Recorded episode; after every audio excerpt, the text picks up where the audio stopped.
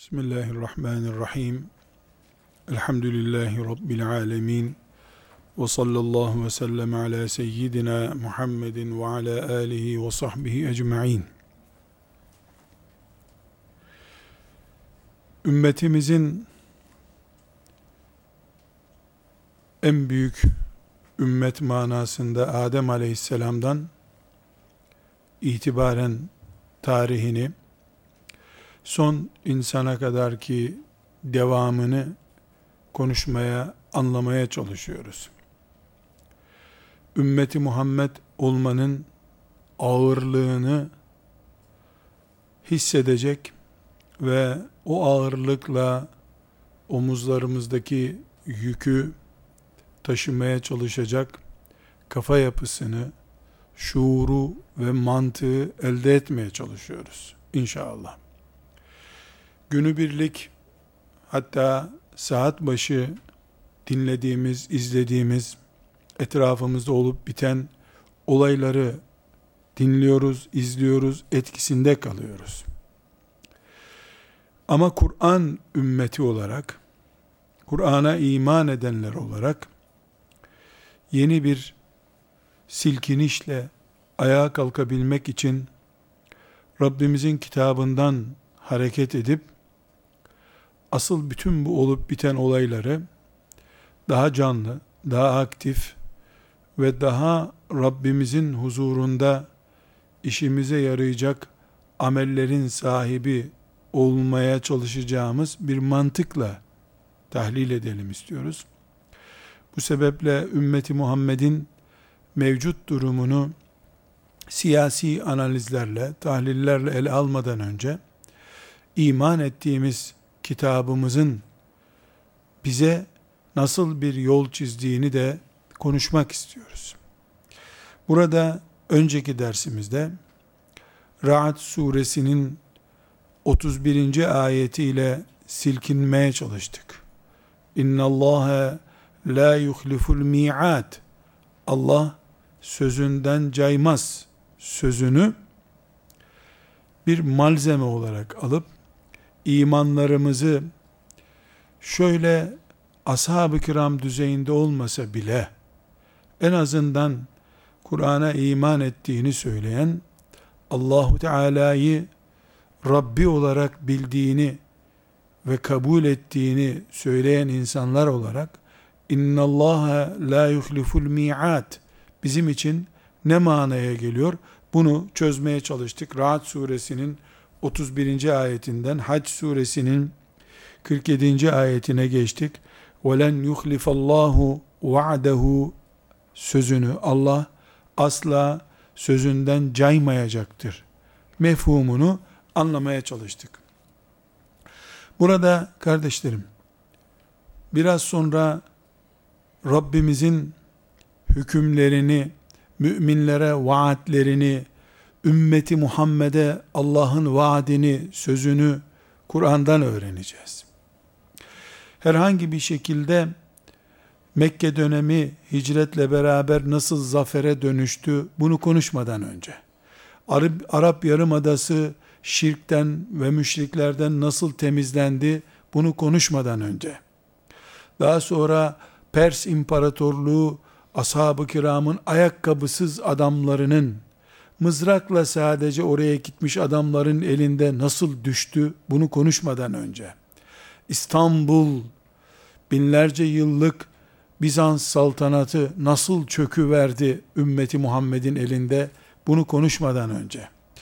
Defalarca Haçlı orduları ümmeti Muhammed'in topraklarına gelip kendileri çül, çil yavruları gibi nasıl ümmetin topraklarından kaçıp gitmek zorunda kaldılar bunu konuşmadan önce bütün bunları böyle bir tarih şeridi gibi gözümüzün önüne getirmeden önce hiçbir şey olmamış. Bu ümmet pratik hiçbir zafer görmemiş olsa bile realite böyle olsa bile öyle değil.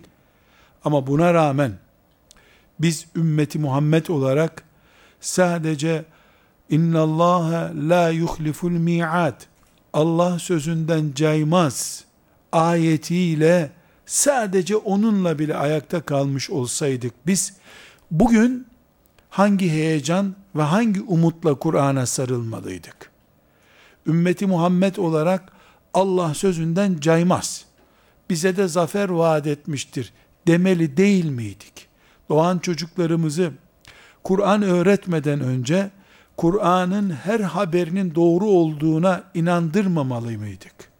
Her sabah namazına kalkmadan önce ben yatıyorum ama sabah kalktığımda bu ümmet yeni bir silkinişle insanlığın efendisi olabilir, öyle bir sabah olabilir yarın demeli değil miydik diye bir itikat tazelemesi yapmamız gerekiyor kardeşler. Haber bültenlerinin bize etkisinden önce küfrün küfür empoze ettiği e, planları üzerimize tatbik edilmeden önce biz Kur'an'ımızla dipdiri bir ümmet olmamalı mıydık? Bu nedenle inna Allah la yuhliful mi'ad ayetinin neden indiğini ve ne anlattığını konuştuk. Şimdi benzer ayetlere devam edeceğiz. Ancak Nisa suresinin 87. ayeti kardeşlerim bir kere daha inna Allah la yuhliful mi'at Allah sözünden caymaz ayeti gibi bir kere daha karşımıza Allah hakkında doğru düşünmeyi emreden bir gerçeği hatırlatıyor. Nisa suresinin 87. ayeti. Kur'an'dan ayetler okuyacağız. Allah böyle buyuruyor bu ümmetin geleceğiyle ilgili ama bu ayetleri okumadan önce bizim ayet dinleyecek haleti ruhiyemiz olması lazım. Allah'ın ayetlerini, Peygamber aleyhisselamın hadisi şeriflerini bilgi kutumuza mı atıyoruz? İmanla dolu, Allah'a teslimiyete hazır kalbimize ve beynimize mi yüklüyoruz? Her türlü bilginin bulunduğu bilgi kutusuna bir bilgi iner gibi ayet indirmek başka şey, Allah deyince her şeyi bitirip sadece Allah düşünen, başka bir şey düşünmeyen ve yüzde yüz teslim olmuş olan sıddık beyinler, sıddık kalpler sahibi müminler olarak mı Allah'ı dinliyoruz? Bu sorgulamayı yapmak zorundayız. Çünkü bizim sorunumuz Kur'an-ı Kerim'i bulup okuyamama sorunu değil. Bulduğumuz, okuduğumuz Kur'an'a karşı sıddıkiyet sıkıntısı yaşayan beyin sahibi oluşumuzdur. Acabaları reddetmiş beyinlerle Kur'an dinlemek zorundayız. Şimdi Nisa suresinin 87. ayetindeki soruya cevap bulalım. Euzu billahi mineşşeytanirracim. وَمَنْ أَصْدَقُ مِنَ اللّٰهِ حَد۪يثًا وَمَنْ أَصْدَقُ مِنَ اللّٰهِ حَد۪يثًا Allah'tan daha doğru sözlü kim olabilir? Allah'tan daha doğru sözlü kim olabilir? Soru bu. وَمَنْ أَصْدَقُ minallahi hadise. Bu soru mümine soruluyor. Çünkü kafire soru sormaz Allah. Kur'an kafirin okuyabildiği bir kitap değildir. Abdestsiz olduğu için de tutması caiz değil Kur'an'a zaten. Kur'an müminin kitabıdır. Kur'an'daki sorular direkt veya dolaylı mümine sorulan sorulardır.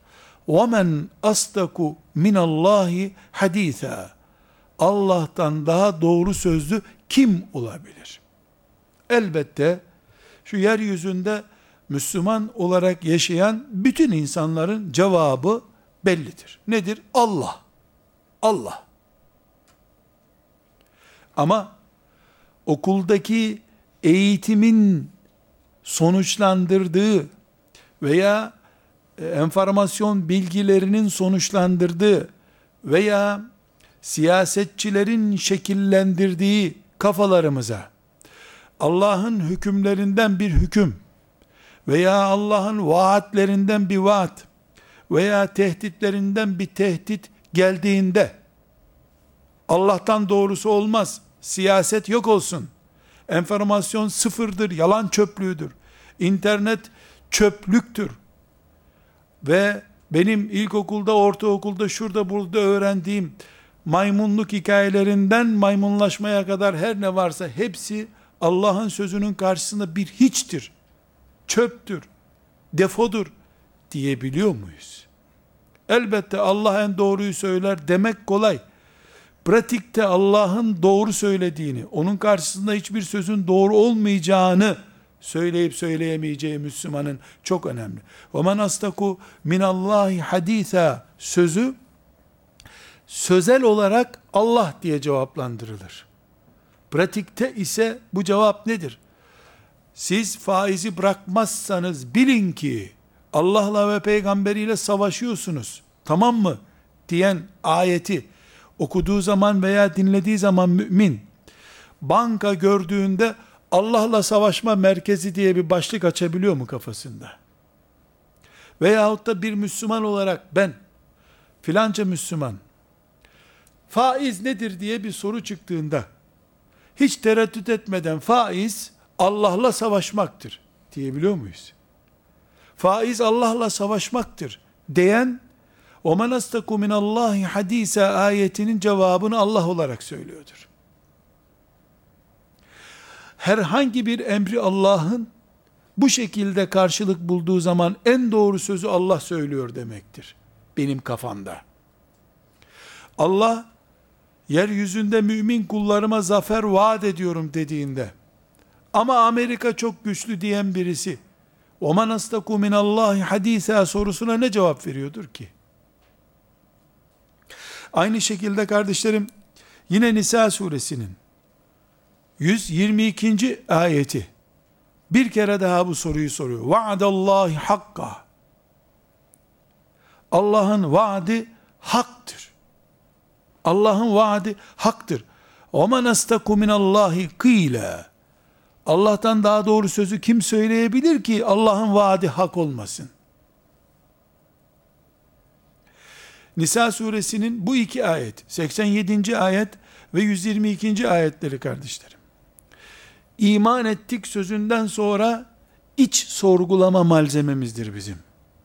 Hükümleri, vaatleri ve tehditleri açısından Allah'ın sözünü dinleyen bir mümin bu dinlediği sözleri en doğru söz, daha doğrusu olmaz bir söz olarak dinleyip dinleyemediğine cevap vermemiz gerekiyor. Bu cevabı elbette hiç tereddüt etmeden bütün müminler Allah canım bunu sormaya da ne gerek var derler. Ama kardeşlerim Kur'an'ımızın Ahzab suresinde farklı bir örneği var. Bu Ahzab suresinin 10, 11. 12. ayetleri, sonra 15 ayeti, 22. ayeti, 23. ayeti. Bu farklı ayet numaralarıyla ki Azab suresinin hemen hemen bütünü zaten yaklaşık olarak bu konuyu ihtiva eder. Bildiğiniz gibi Ahzab suresi adı üstünde de Peygamber sallallahu aleyhi ve sellemin Medine'sini kuşatan birleşik ordular anlamındaki savaş, ahzab savaşını anlatır. Ahzab gruplar demek. Birleşip büyük bir kitle olarak Medine'yi dışarıdan kuşatıp Efendimiz sallallahu aleyhi ve sellemi kendi ocağında boğma planı yaptılar. Şirk kafası. Allah'ı hesap etmediler. Sadece coğrafi ve siyasi ve askeri hesaplar üzerinden Medine'de İslam'ı bitirmeyi planladılar. Medine'nin o zamanki sorunu içinde de hala münafıkların bulunuyor olmasıydı. Münafıklar Medine'de Peygamber sallallahu aleyhi ve sellemin yanı başında iç dinamit olarak ya da mayınlı insanlar gibi veya mayın gibiler şeklinde bulunuyorlardı. Kardeşlerim, e, Siret-i Nebi'den derli toplu öğrendiğimiz zaman ki Ahzab suresinde Allahu Teala ayrıntılı bir şekilde bu sahneleri anlatıyor. Burada küçük bir dipnot indirelim aşağıya. Kur'an tarih kitabı değildir. Siret kitabı da değildir. Kur'an Efendimiz sallallahu aleyhi ve sellemin hayatını anlatan bir kitap değildir. Savaşlarını anlatan bir kitap değildir. Kur'an iman kitabıdır. Hiçbir ayeti, hiçbir kelimesi tarihi bir bilgi aktarmak için Müslümana ulaştırılmış değildir. İman edip ne yapması gerektiğini Müslümana kıyamet gününe kadar anlatması için Kur'an-ı Kerim vardır. Binaenaleyh biz şimdi Azap suresinin verdiğim ayetlerini ders olarak okuruz ama Siret-i Nebi'den filanca bilgiyi öğrenmek için okumayız. Çünkü bu savaşın ayrıntılarını anlatan ayetler değil bunlar. Kıyamet gününe kadar kıyamet gününe kadar bir benzeri muhakkak yaşanacak bir olayın şablonudur bunlar. Demek ki kıyamet gününe kadar Müslümanlar Medine anlamında İslam şehirlerinin ve Müslümanların kuşatılacağı olaylarla karşılaşacaklardır. Ve şu ayetlerin bahsettiği sahnelerle Müslümanlar kıyamete kadar karşılaşacaklardır. Nasıl Efendimiz sallallahu aleyhi ve sellemin hanımına, annemize zina iftirasında bulunuldu. Kıyamete kadar benzer olayla her Müslüman karşılaşma riski taşımaktadır. Ne yapması gerektiğini Müslüman Allah o ayetlerle öğretmiştir. Aynı şekilde teyemmüm yapmayı anlatan ayetler niye Kur'an'da vardır?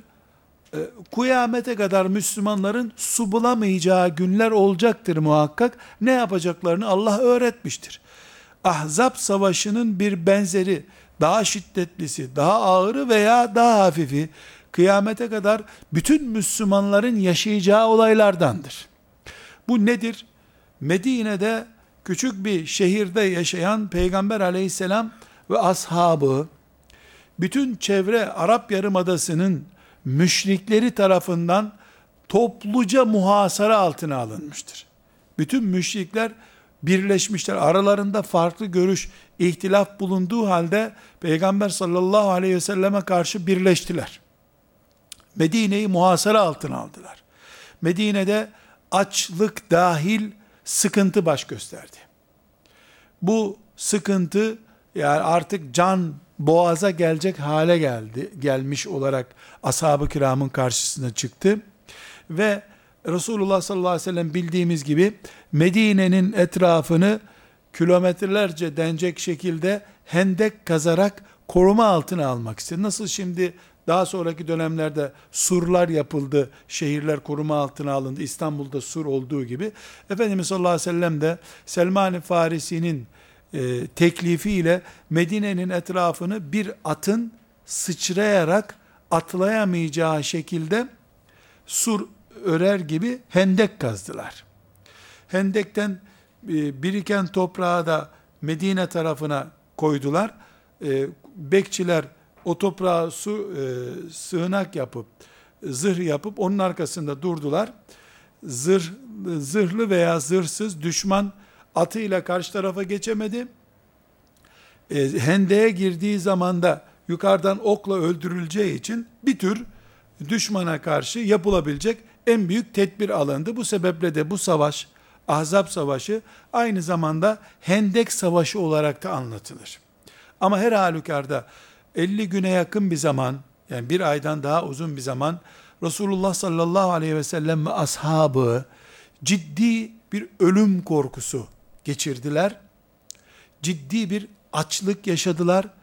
Ciddi bir şekilde İslam gel gitleri olan bir sancı yaşadı. Yani ölümcül riskler yaşadı. İslam ve Müslümanlar ve dolayısıyla Medine. Burada arkadaşlar savaşın ayrıntılarına girme ihtiyacı hissetmiyoruz.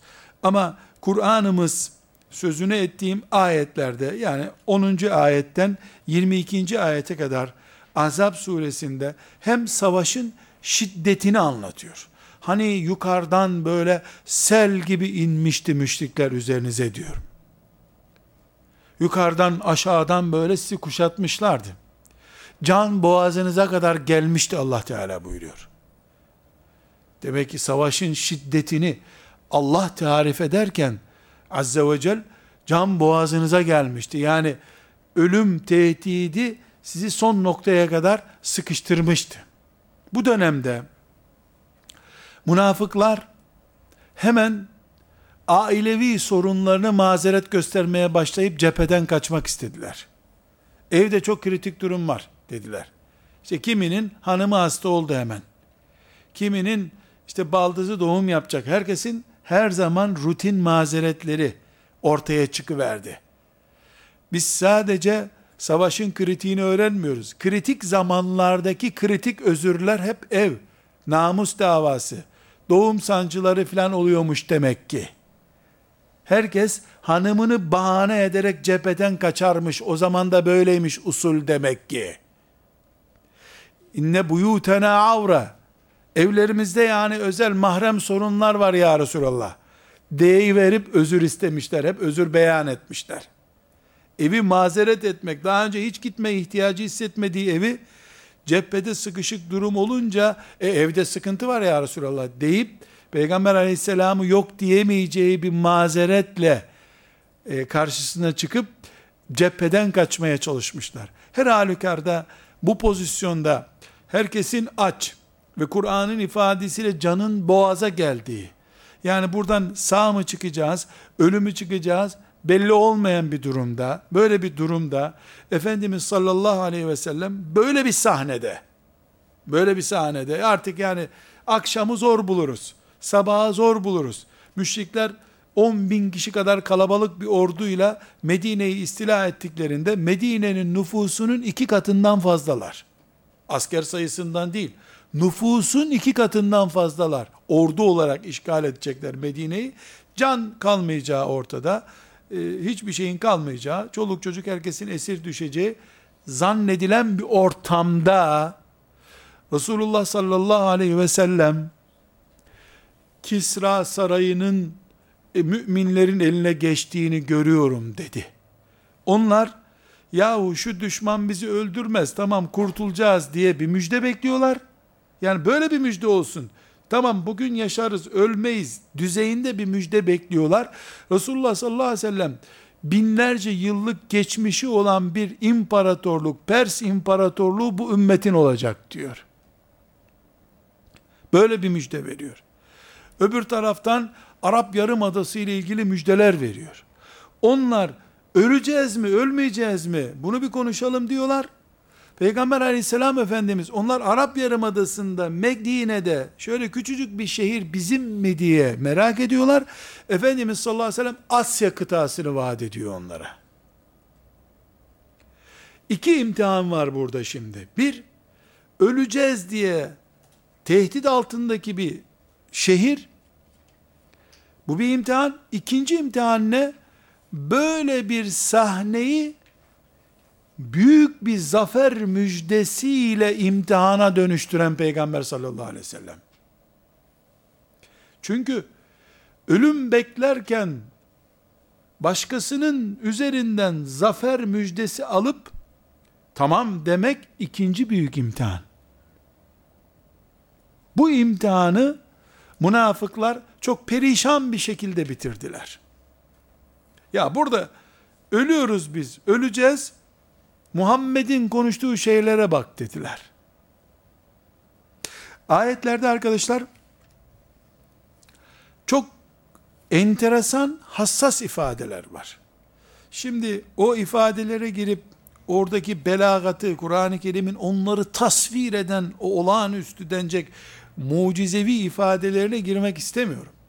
Ama iki Efendimiz sallallahu aleyhi ve sellemin bu e, Bizans'ın surlarını, İstanbul'un fethini e, veya e, Pers İmparatorluğu'nun fethini ve ümmeti Muhammed'in zenginlik, servet sahibi olacağına dair müjdelerini yorumlayan iki grup var. Bir münafıklar yorumluyorlar. Karnı açın söylediği sözlere bak demeye getiriyorlar. Bir de müminlerin cevabını Allah veriyor. وَلَمَّا رَأَى الْمُؤْمِنُونَ الْأَحْزَابَ قالوا هذا ما وعدنا الله ورسوله قالوا هذا ما وعدنا الله ورسوله وصدق الله ورسوله Ne diyorlar? Allah bize şu müşrikler büyük orduyla e, Medine'yi yıkmak için gelmişler. Allah'ın bize sözünü ettiği şeydir bu diyorlar. O sadakallahu ve Resulü. Allah ne dediyse, peygamberi ne dediyse o doğrudur. Münafıklar ne diyorlar? Biz burada ölüm, ölümden korkuyoruz, bize ne vaat ediyor peygamber diyorlar. Müminler ne diyorlar? Allah bize söylemişti zaten. Bedava cennet vaat etmemişti Allah bize. Allah'ın dediği buydu zaten. Ne demişti Allah? Sizi imtihan edeceğim demişti. E dediği çıktı Allah'ın. Bir yanlışlık yok bu işte. Dediler müminler diyor. Böyle olunca da minel müminine ricalun sadaku ma ahadullah aleyh. 22. ayet bu sefer. E, bu tip müminler yani bu imtihanı kazananlar erkek müminler olarak Allah'a verdikleri sözde durdular. Demek ki bu imtihanı kaybedecek olsaydı bir kısım müminler onlar da münafıklar gibi sayılacaklardı. Kardeşlerim, şimdi haber bültenleri üzerinden ümmeti Muhammed'in geçmişini ve geleceğini anlamaya çalışırsak eğer ölümlerden ölüm beğenmekten başka alternatifimiz yok demektir. Ama Allah'ın vaadi üzerinden Asya'da, Kuzey Asya'da, Güney Asya'da, Arap Yarımadası'nda, Anadolu'da, dünyanın Müslümanların yaşadığı her yerinde ümmeti Muhammed'in mevcut pozisyonunu eğer Allah'ın kitabına göre değerlendireceksek söylenecek ilk çok söz nedir? Ma vaadenallahu ve Resulü. Hâdâ ma vaadenallahu ve Resulü. Allah'ın bize verdiği söz budu. Allah bize yanlış bir şey söylemedi. Allah bize güllük, gülistanlık bir hayat mı vaat etti? Dedi mi Allah bir gün iman ettikten sonra sizin artık e, kimse üzerinize dokunamaz, her şey keyfinizdeki gibi olacak, hayal ettiğiniz gibi yaşayacaksınız demedi ki Allah. Tam aksine, daha sonra göreceğiz Ankebut suresinde, madem iman ettiniz buyurun teste diyecek Allah. İman ettiyseniz, sizden önce iman edenlere yaptığımız gibi, size de test yapacağız. İmanınızın gerçekçi olup olmadığını.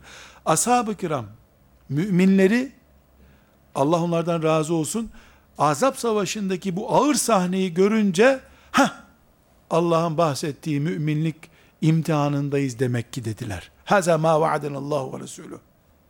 Münafıklar ne dediler? O hem iman ettik Muhammed'e hem başımıza gelenlere bak dediler.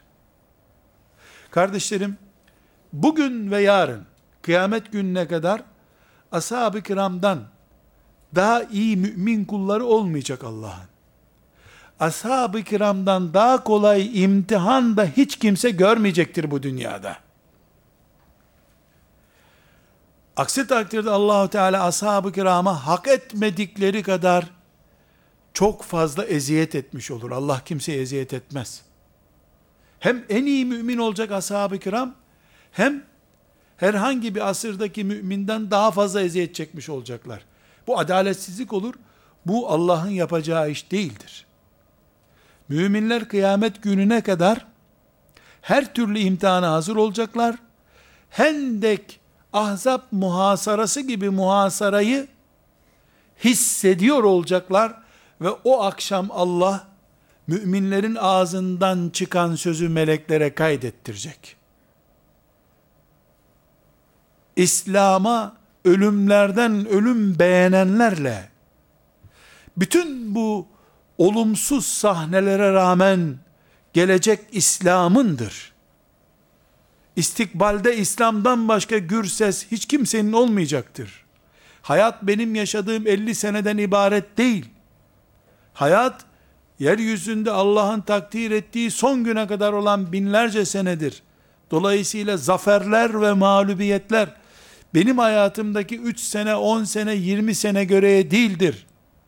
Hayat, Allah'ın yeryüzünde hayatı var ettiği takvimin bütününe göre değerlendirilen şeydir. Hilafetin kaldırıldığı, kaldırıldığı zannedildiği, 1900 filancadan 2000 filancaya kadar gelen zamandan ibaret değil ki dünya. 100 senedir yeryüzünde hep Müslümanlar zulüm görüyor diyelim. Hayatı bana göre, benim kurduğum devlete göre, benim kurduğum sitedeki hayat standartlarına göre değerlendirdiğimden dolayı bu sıkıntıyı yaşıyorum. Ashab-ı kiram hayatı Adem aleyhisselamdan itibaren başlattıkları için, son insana kadar olan süreyi hayatın devam edeceği süre olarak gördükleri için, kendi kurdukları devletin kuruluşunun 5. senesinde, müşrikler büyük o devletin nüfusunun iki katı kadar büyük bir orduyla Medine'yi kuşattıklarında 5 sene olmadan devletimiz yıkılma tehlikesiyle karşılaştı demediler. Hâzâ mâ Allah ve Resulü. Allah'ın ve Resulünün sözünü ettiği şey geldi demek ki dediler. Ve hemen şehitlik hazırlığına başladılar. Ve kazandılar. Minel müminine ricalun oldular. Müminler arasındaki erkekler olarak Allah onları öne çıkardı. Bugün eğer Medine o gün İslam'ın var olduğu tek yerdi. Mekke bile İslam değildi. Bugün İslam Medine'nin şubeleri olarak Afganistan, İran, Hindistan, Irak, Yemen, Türkiye vesaire Makedonya İslam bir tür Medine'dir hala. Bütün Müslümanların yaşadığı topraklar akşamdan sabaha kadar top sesleriyle dövülüyorsa, uçaklardan bombalarla tehdit ediliyorsa, insanlar camını açtığında hep bomba sesi veya bomba haberi izliyorlarsa, bu küçük bir Medine'nin üç kıtaya yayılmış şeklinin yani filmin büyümüş, daha büyük bir sahnede seyredilebilen şekli demektir. Hoca efendiler, yazarlar, çizerler, öğretmenler, muallimler, çocuklarının karşısında olayları yorumlayan anneler, babalar, hâzâ mâ va'adanallahu ve rasûlüh. Bu Allah'ın ve peygamberinin bize vaat ettiği sahneydi. Sabrımızı imtihan edecek Allah, bu e, enformasyon kirliliğine karşı, e, bu bütün rezilliklere karşı imanımızla ayakta durup duramayacağımızı görmek istiyor Allah deyip demeyeceklerinin imtihanıdır bu.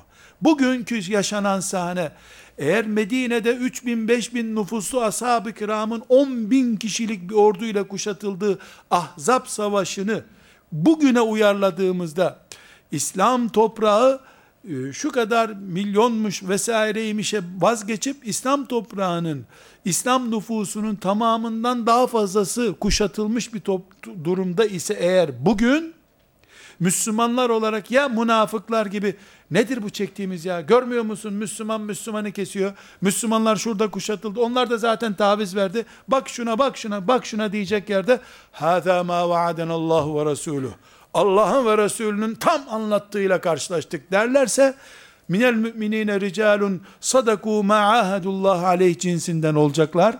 Tam Allah'ın dediği karşımıza çıktı diyen erkek mümin olacaklar başörtülü hanımefendi de olsa, sakallı hacı efendi de olsa ya da Kur'an ne anlatıyor, hadisler ne anlatıyor, güya Roma'yı fethedecektik, kendi tükürüğümüzle kendimizi boğuyoruz diyen, güya öz verili bir muhasebe yapan kimseler de, Muhammed bize ne anlatıyor, karnımız aç bizim diyen münafıkların peşinden gidecekler.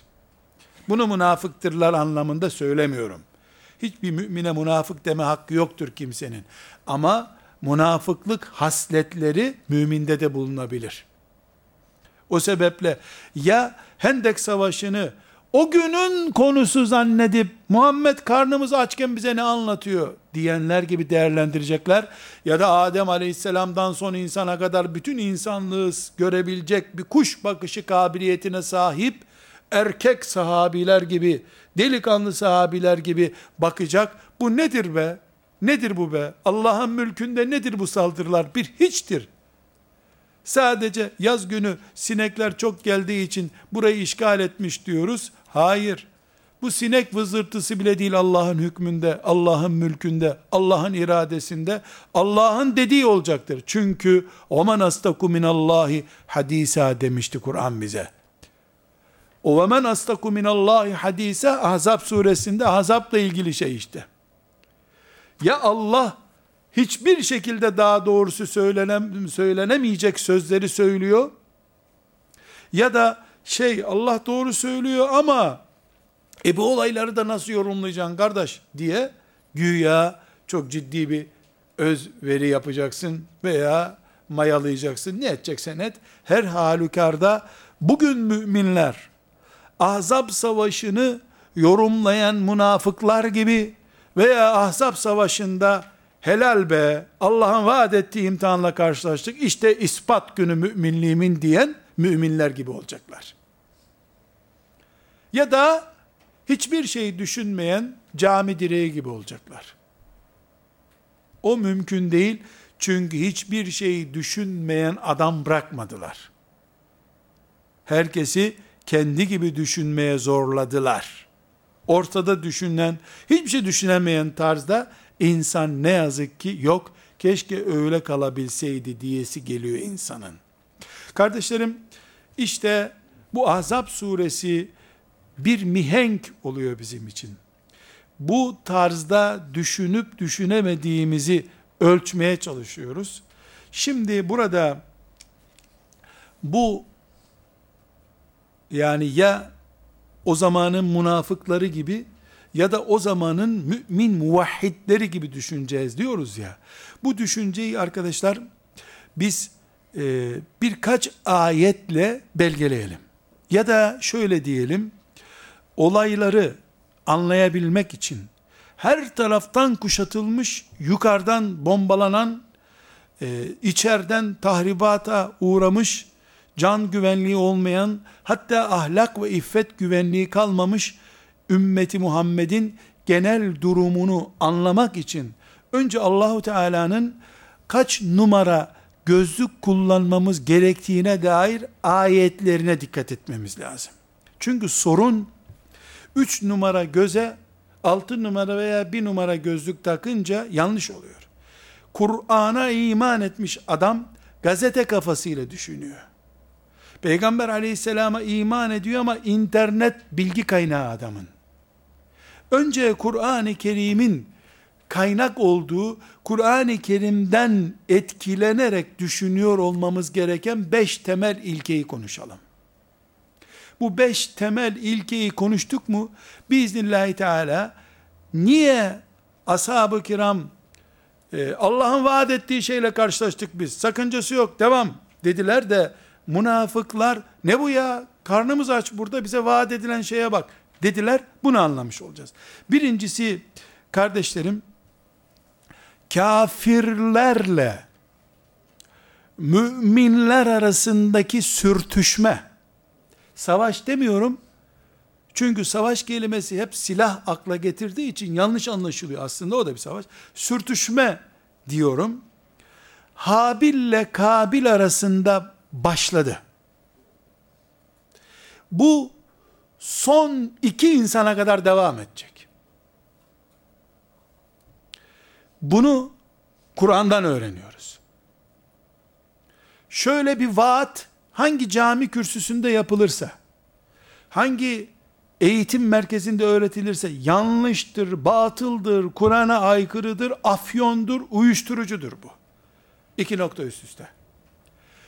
Huzur içinde, barış ortamında ve birbirimize dokunmadan diyalog çerçevesinde yaşayacağız sözü batıldır, sahtedir, afyondur. Bu gündüzle geceyi barıştırdık. Artık geceler üzülmeyecek, gündüzler üzülmeyecek. Hem gündüz hem gece aynı anda yaşayacağız demek gibidir. Sıcakla soğuğu barıştırdık. Ne sıcak ne soğuk. Yok dünyada artık demek gibidir. Buzulları eritirsin, o zaman sahildeki bütün evleri su basar. Buz da gerekli, ateş de gerekli bu dünyada. Gecesi olmayan gündüz zulümdür. Gündüzü gelmeyen gece haraptır. Bu yeryüzü müminlerle kafirlerin beraber yaşamasını görmesi için Allah'ın ayaktadır. Eğer bir gün sadece müminler olacaksa veya sadece kafirler olacaksa o gün Allah yeryüzünü kaldıracak demektir. Birinci Kur'an kanunu bu. Bu kanunu nereden çıkardım? Bakara suresinin 217. ayetinden çıkardım. Ne buyuruyor Allah? وَلَا يَزَالُونَ يُقَاتِلُونَكُمْ حَتَّى يَرُدُّوكُمْ عَنْ دِينِكُمْ اِنْ اسْتَطَاعُوا وَلَا يَزَالُونَكُمْ يُقَاتِلُونَكُمْ Onlar sizinle savaşmaya devam edecekler. Hatta yeruddukum an dinikum in istata'u. Güçleri yetip sizi dininizden koparıncaya kadar savaşmaya devam edecekler onlar. Ve la yezalune istimrariyet gösteriyor. Süreklilik gösteren bir.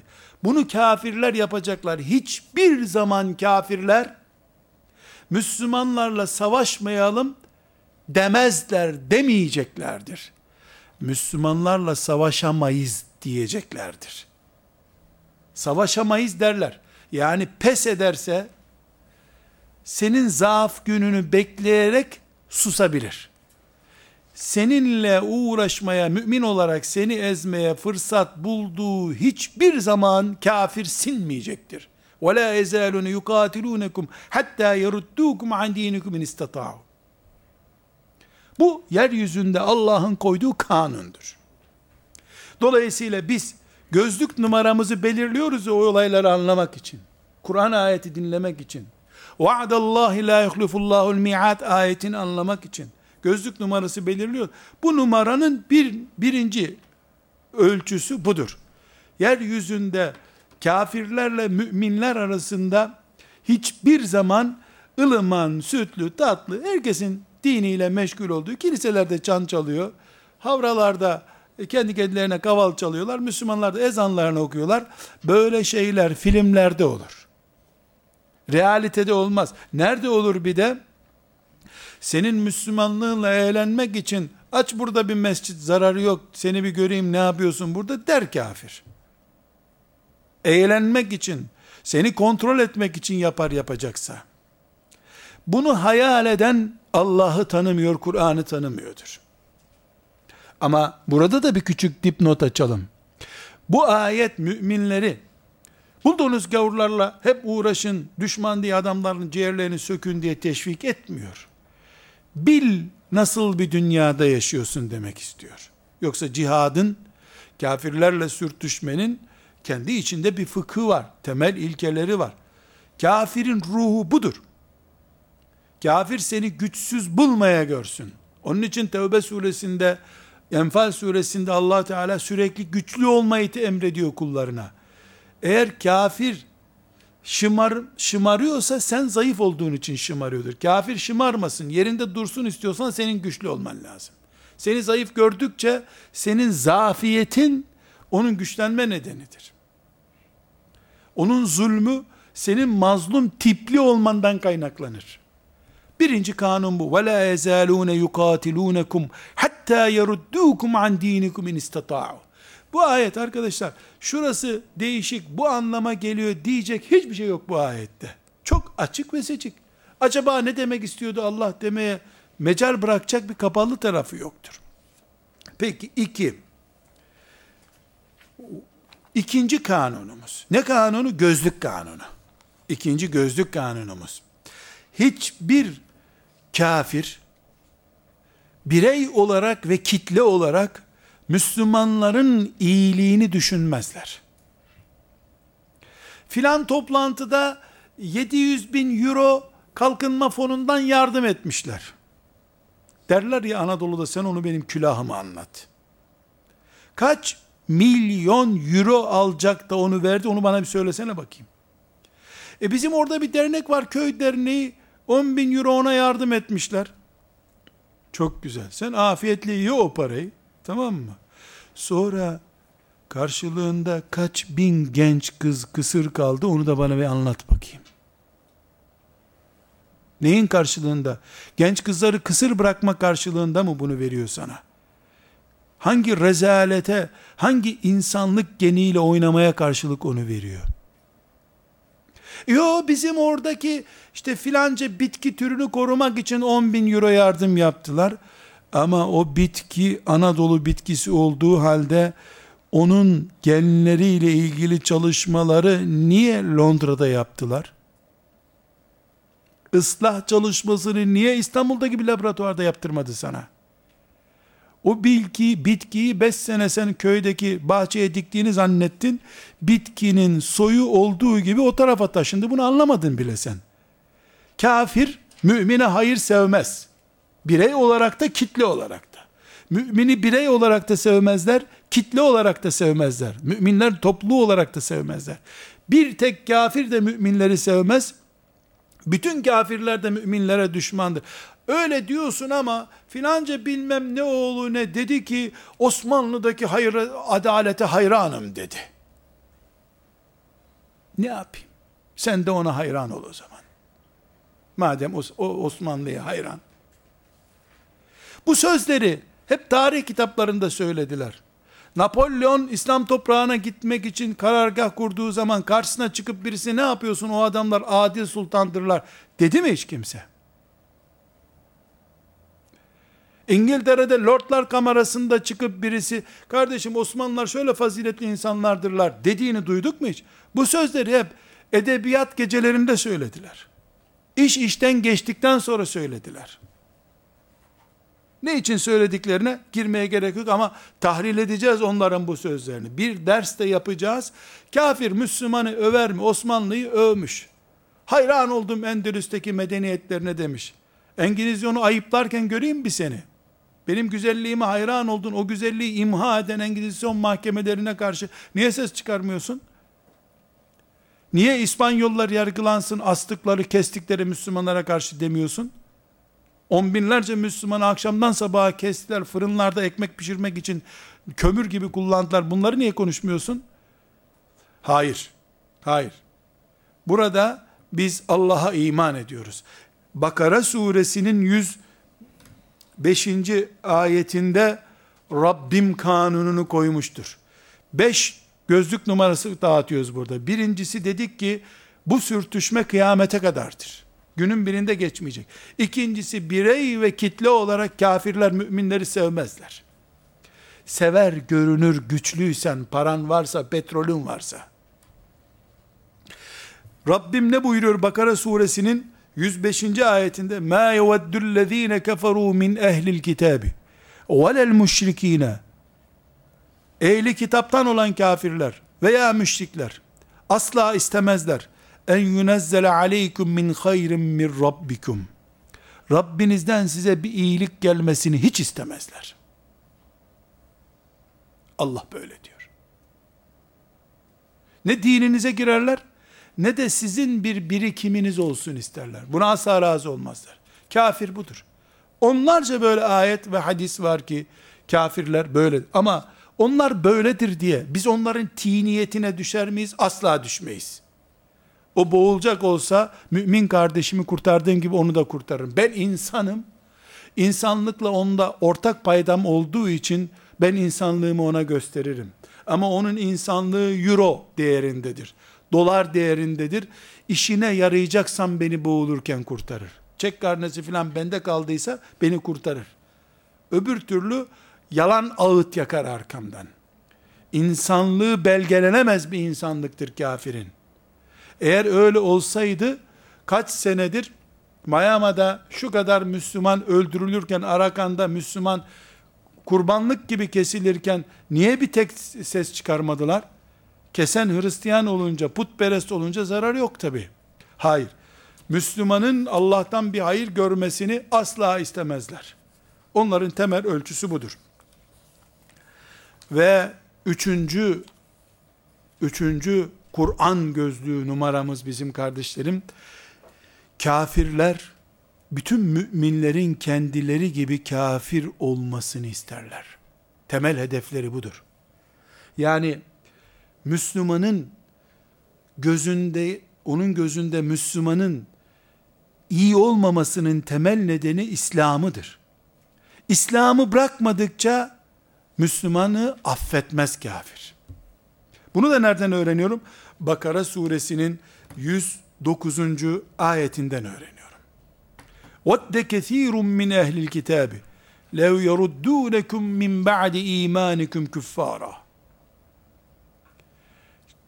ehli kitabın çoğu sizin dininizden dönmenizi isterler. Haseden min inde enfusihim. Hasetlerinden dolayı. Kendi dinlerini tahrif ettiler. Tahrip ettiler. Sizin de dininizi bozup onlar gibi olmanızı isterler. Almanya'da cami açılmasına izin veriyorlarmış. Doğru. Çünkü Almanya baktı ki asimile ettim zannederken insanlar fabrikaların kenarlarına mescit yaptılar. Bir gün İslam'ın Almanya'yı kuşatacağını anladılar. Ben yardım edeyim, siz büyük binalar tutun, orada toplu namaz kılın, sizi izleyeyim dedi. Camiye izin vermedi. Cami ile kontrol edebileceğini anladı. Aksi takdirde yer altındaki bir İslam'ı tehlikeli gördü kendisi için. Eğer eğer böyle değil de Almanya ve Avrupa samimi olsaydı İslam ne istiyorsa yapın derdi. Burada ayrıntılarına gireceğiz. Batı ne kadar İslam'a müsamahakar? 5-6 ders bunu inceleyeceğiz. Batı samimi mi? Tarih boyunca, boyunca samimi oldu mu? Kendi dinine bile. Samimi oldu mu? Şimdi samimi mi? İnsanlıkta ve İslamlıkta ne kadar samimi batı? Bunu konuşacağız. Belgeleyeceğiz inşallah. Şimdi sadece gözlük numaralarımızı tespit ediyoruz biz. Üç numaralı gözlükte ne dedik? İslam'ından vazgeçmedikçe bir Müslümanı hiçbir şekilde beğenmez Hristiyan. İşte filancalar e, çok memnunlar. Özellikle de Hristiyanlar sıcak bakıyorlar. İşte komünistler kötü bakıyor. Yanlış. Komünisi ile Hristiyanının bir farkı yoktur. Peki çok memnunuz diyorlar. Eğer Müslümandan memnunsalar, dört numaralı gözlüğümüzü kullanıyoruz. Müslümandan memnunsalar, Müslümanlığında sorun olduğu içindir. Onların karakterine uygun bir Müslümanlık yaşadığı içindir veya bunu politikalarından dolayı yapıyorlardır. İslam'ı övdü filanca, yanlış, övmez. وَلَنْ تَرْضَى عَنْكَ الْيَهُودُ وَلَا النَّصَارَى حَتَّى تَتَّبِعَ مِلَّتَهُمْ Sen onların peşinden gitmedikçe senden hiçbir Yahudi ve hiçbir Hristiyan memnun olmazlar Allah buyuruyor. Bakara suresinin 120. ayeti. Kanun kesin. Hiçbir şekilde Allahu Teala onlardan razı değil, onlar Allah'tan razı değil. Yani onlar Allah'ı sevmiyorlar, Allah onları sevmiyor. Durum böyle ise eğer, neden Allah'ın sevdiği ve onların da Allah'ı sevdiği insanları beğensinler ki? Bu Hristiyan olmalarına, Yahudi olmalarına mantık olarak ters düşer zaten. Kendilerini inkar etmiş olurlar. Yahudiliklerini, Hristiyanlıklarını inkar etmiş olurlar. Böyle bir şey yaparlarsa. Uyduruk da olsa güya bir dinleri var. O dinlerini tepelemiş olurlar eğer Allah'ın razı olduğu kuldan razı olurlarsa. Kardeşlerim, beş numaralı gözlüğümüze gelince, beş numaralı gözlüğümüze, Rabbimiz, Maide suresinin 54, 55, 56, 57. ayetlerinde bu ilk dört kural söyledik ya, yani kafirler şöyle şöyledirler Müslümanlara karşı dedik. Onların karşı cephesinde kim durursa bunlar benim adamım diyor Allah. Bu ayetlerde de bunu açıklıyor. Ya eyyühellezine amenu men yertedde minkum an dini fesevfe ye'tillahu bi kavmin yuhibbuhum ve yuhibbunehu ezilletin alel mu'minin aizzetin alel kafirin yücahidune fi sebilillah ve la yehafune levmete laim diye özelliklerini sayıyor. Burada kardeşlerim yedi özellik sahibi kitle şu kafirlerin sevmediği kitledir. Kimde bu yedi özellik varsa elhamdülillah mümin muvahhidim diye kafasını kaldırsın, göklerde arşın etrafında arşı taşıyan melekleri seyrediyor gibi mutlu hissetsin kendisini. Bu özelliklerden birisinde sorun varsa düzeltme hamlesi başlatsın. İki, bu özelliği, bu Maide suresinin 54 ve 57. ayetleri arası oturup her hafta bir kere ders olarak okumamız gereken ve hedef levhamız diye evimize asmamız gereken şey. İki, bir vakıf, bir dernek, bir tarikat, bir cemaat, bu yedi madde üzerinden kan tahlili yaptırmalıdır. Ne kadar İslamiyiz? Levhalarımızın İslami olmasının ne kadar manası var, ne kadar yok? Bu yedi anlam üzerinden çıkarılabilir. Eğer biz müminler olarak bu yedi şey üzerinde yaptığımız testler olumlu sonuç veriyorsa ama Allah ile baş başa kaldığımız bir yerde. Şimdi bunları sayacağım. Herhalde Allah'ın izniyle otomatik bize anlatıyor ayet zannederiz. Bunu bir de Rabbimizle baş başa kaldığımız, kimsenin olmadığı, kameraların olmadığı, birbirimizi dikizlemediğimiz yerlerde acaba diyelim vakıf başkanları, dernek başkanları, cemaat başkanları, 50 kişiyle 100 kişiyle ders halkası oluşturanlar, tarikat halifesi olup bir hizmet yapanlar, kendimize mi hizmet ediyoruz? Rabbimizin bu küfür ordusuna karşı Allah ne vaat ettiyse haktır. Resulullah bizi kandırmadı. Zaten böyle demişti Resulullah diyecek ordu. Veya üçüncü paragraf dünya yanıp kavrulsa bile Allah'la beraber olmaktan haz duyan müminlerin yedi özelliği. Daha sonra başka özellikler de sayacak Allah bize. Ama bu müminleri Rablerinden koparma hamlesine karşı mümin kim? Kim ayakta durabilir? Onu anlatıyor allah Teala. Dinleyelim arkadaşlar. Birincisi, Allah onları sever. İkincisi de Allah'ın onları sevdiğini onlar da Allah'ı severek ispat ederler. E zaten herkes Allah'ı seviyor. Öyle değil. Allah'tan gelene razı olarak, kaderine teslim olarak, cennetini umut ederek, verdiği her şeye razı olarak Allah'ı sevdiğini ispat ederler. İki. Üç, Allah yolunda cihat halindedirler. Cihat neyi gerektiriyorsa. Dört, Allah'tan başkasını dert etmezler kendilerine. La yehafune levmete laim.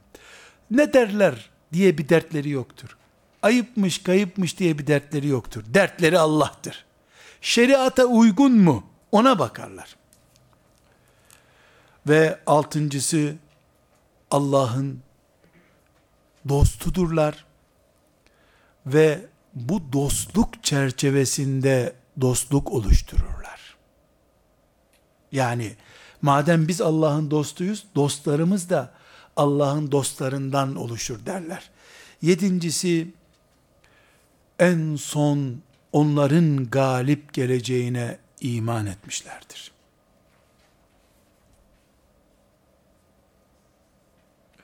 Ayetin içeriğinde 54 ve 57. ayete kadar Maide suresinin bu ayetlerinde daha farklı ifadeler de var. Bunları derli toplu, bu yedi özellikle topladım. Allah onları seviyor. Onlar Allah'ı seviyorlar. Cihat halindedirler. Allah'tan başka dert ettikleri kimseleri yoktur. Kimin ne diyeceğini önemsemezler. Allah'ın dostu olmanın gereği olarak Allah'ın dostları ile küme halindedirler. Ve sonunda onlar galiptir diye iman ederler. Kardeşlerim bu beş boyutla baktığımız zaman yeryüzünde bizi üzecek bir şey yok demektir. Umut varız demektir. Bu bakış tarzımızı, bu beş perspektifi yakalayamayanlar için yeryüzü perişan bir yerdir. İslam'ın da geleceği yoktur zaten. Ve sallallahu ve sellem ala seyyidina Muhammed ve ala alihi ve sahbihi ecma'in velhamdülillahi rabbil alemin.